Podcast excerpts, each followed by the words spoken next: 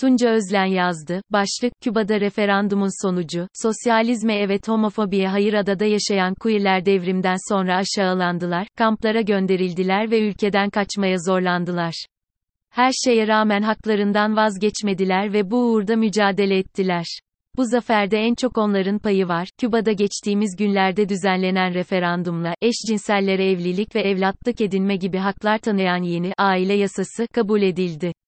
Katılımın %74 olduğu referandumda oy kullanan her üç Kübalıdan ikisi evet, biri hayır oyu kullandı. Devlet Başkanı Miguel Diaz-Canel Bermudez, bugünden itibaren daha iyi bir ulus olacağız, tweet'i atarak yasanın halk oyuyla onaylanmasını selamladı.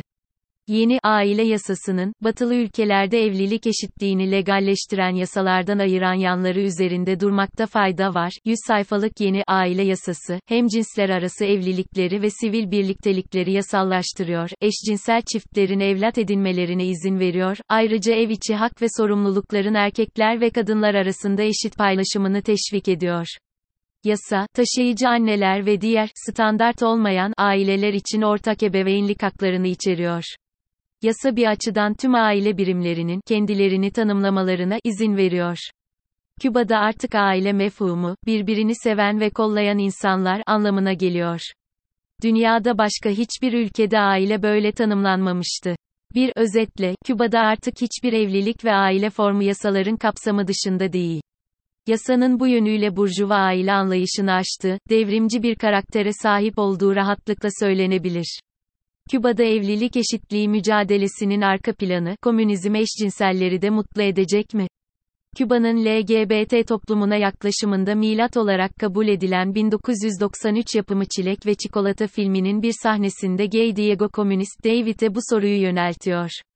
Küba'nın son yıllarda attığı adımlar, David'in şahsında tüm devrimcilere yöneltilen bu soruya olumlu bir yanıt üretme çabası olarak da görülebilir. Küba'da yaşayan LGBT'lerin sorun ve taleplerini topluma anlatmak için bir dizi etkinliğe öncülük eden CNESEX, yine bir kadın devrimcinin, Mariela Castro'nun liderliğinde ilerliyor. İlki 2008 yılında Havana'da gerçekleşen Gay Pride'da onur yürüyüşü konuşan Castro, cinsel yönelim özgürlüğü eşit ve toplumsal adaletin hüküm sürdüğü bir ortamda mümkündür, sözleriyle ülkede oldukça güçlü kökleri olan homofobiye savaş açmıştır. Küba'da uzunca bir dönem, Burjuva toplumunun kalıntısı olarak görülen eşcinselliğe bakışın LGBT aktivistlerinin öncülüğünde değişmesi, cinsel çeşitliliğin insan doğasının bir parçası olduğunun kabul edilmesini de beraberinde getirdi.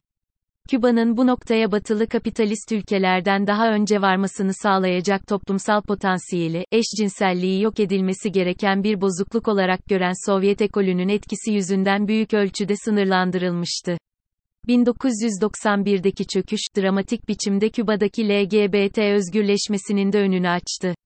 Bu değişimin bir sonucu olarak, Küba'nın kurucu lideri Fidel Castro, devrimden sonra aşağılanan ve çalışma kamplarına gönderilen eşcinsellerin yaşadığı travma için, sorumluluğu üstlenmek gerekiyorsa, o sorumluluk benimdir, suçu başkalarına atmayacağım, demiştir. Keşke hayatta olsaydı da referandum sonucunu görebilseydi. Kazanımları örgütlülük koruyacak LGBT'leri eşit yurttaş statüsüne getiren yeni aile yasasının halk oyuyla kabul edilmesi, onlara sunulmuş bir lütuf değil. Adada yaşayan queerler devrimden sonra aşağılandılar, kamplara gönderildiler ve ülkeden kaçmaya zorlandılar. Bu zaferde en çok onların payı var, diğer taraftan elde ettikleri kazanımları tehdit eden unsurlar yok değil. Ülkede etkin olan Katolik Kilisesi yasaya karşı açıktan tutum aldı. Sosyalist bir ülkede oy kullanan her üç kişiden birinin eşcinsellerin eşit yurttaşlık haklarına kavuşmalarına hayır demesinde, kilisenin yürüttüğü propagandanın etkisi var, laik bir ülkede kilisenin dünyevi meselelere dahil olması ise kabul edilebilir bir durum değil. Kazanımları kırılgan hale getiren bir diğer unsur, ülkede yeri geldiğinde iktidardan da bağımsız hareket edebilecek bir LGBT aktivizminin zayıflığı. Küba'da LGBT aktivizmi büyük ölçüde Komünist Parti'nin izin verdiği sınırlar içinde yürütülüyor. 2019 yılında Havana'da ilk kez devletten bağımsız olarak düzenlenen onur yürüyüşünde birçok aktivist polis tarafından darp edilerek gözaltına alınmıştı. Nokta. Her sene bir devlet kurumu olan CNESEX tarafından organize edilen yürüyüşün o sene yapılmayacağı ilan edilmiş, bağımsız LGBT aktivistleri bu durumu kabul etmeyerek onur yürüyüşü düzenlemek istemişlerdi. Oysa LGBT'ler olarak çok iyi biliyoruz ki, bizleri yasalardan çok örgütlülük ve dayanışma korur. Bunların olmadığı koşullarda yasaların kağıt üzerinde kalması kaçınılmazdır. Yasaların toplumsal meşruiyetini ve etkisini arttıracak olan temel güç, sermayeden ve devletten bağımsız hareket edebilen LGBT örgütlenmeleridir. Küba'da eşcinsellere evlilik ve evlatlık edinme hakkı tanıyan yasanın halk oyuyla kabul edilmesi, onlara sunulmuş bir lütuf değil. Adada yaşayan queerler devrimden sonra aşağılandılar, kamplara gönderildiler ve ülkeden kaçmaya zorlandılar. Her şeye rağmen haklarından vazgeçmediler ve bu uğurda mücadele ettiler.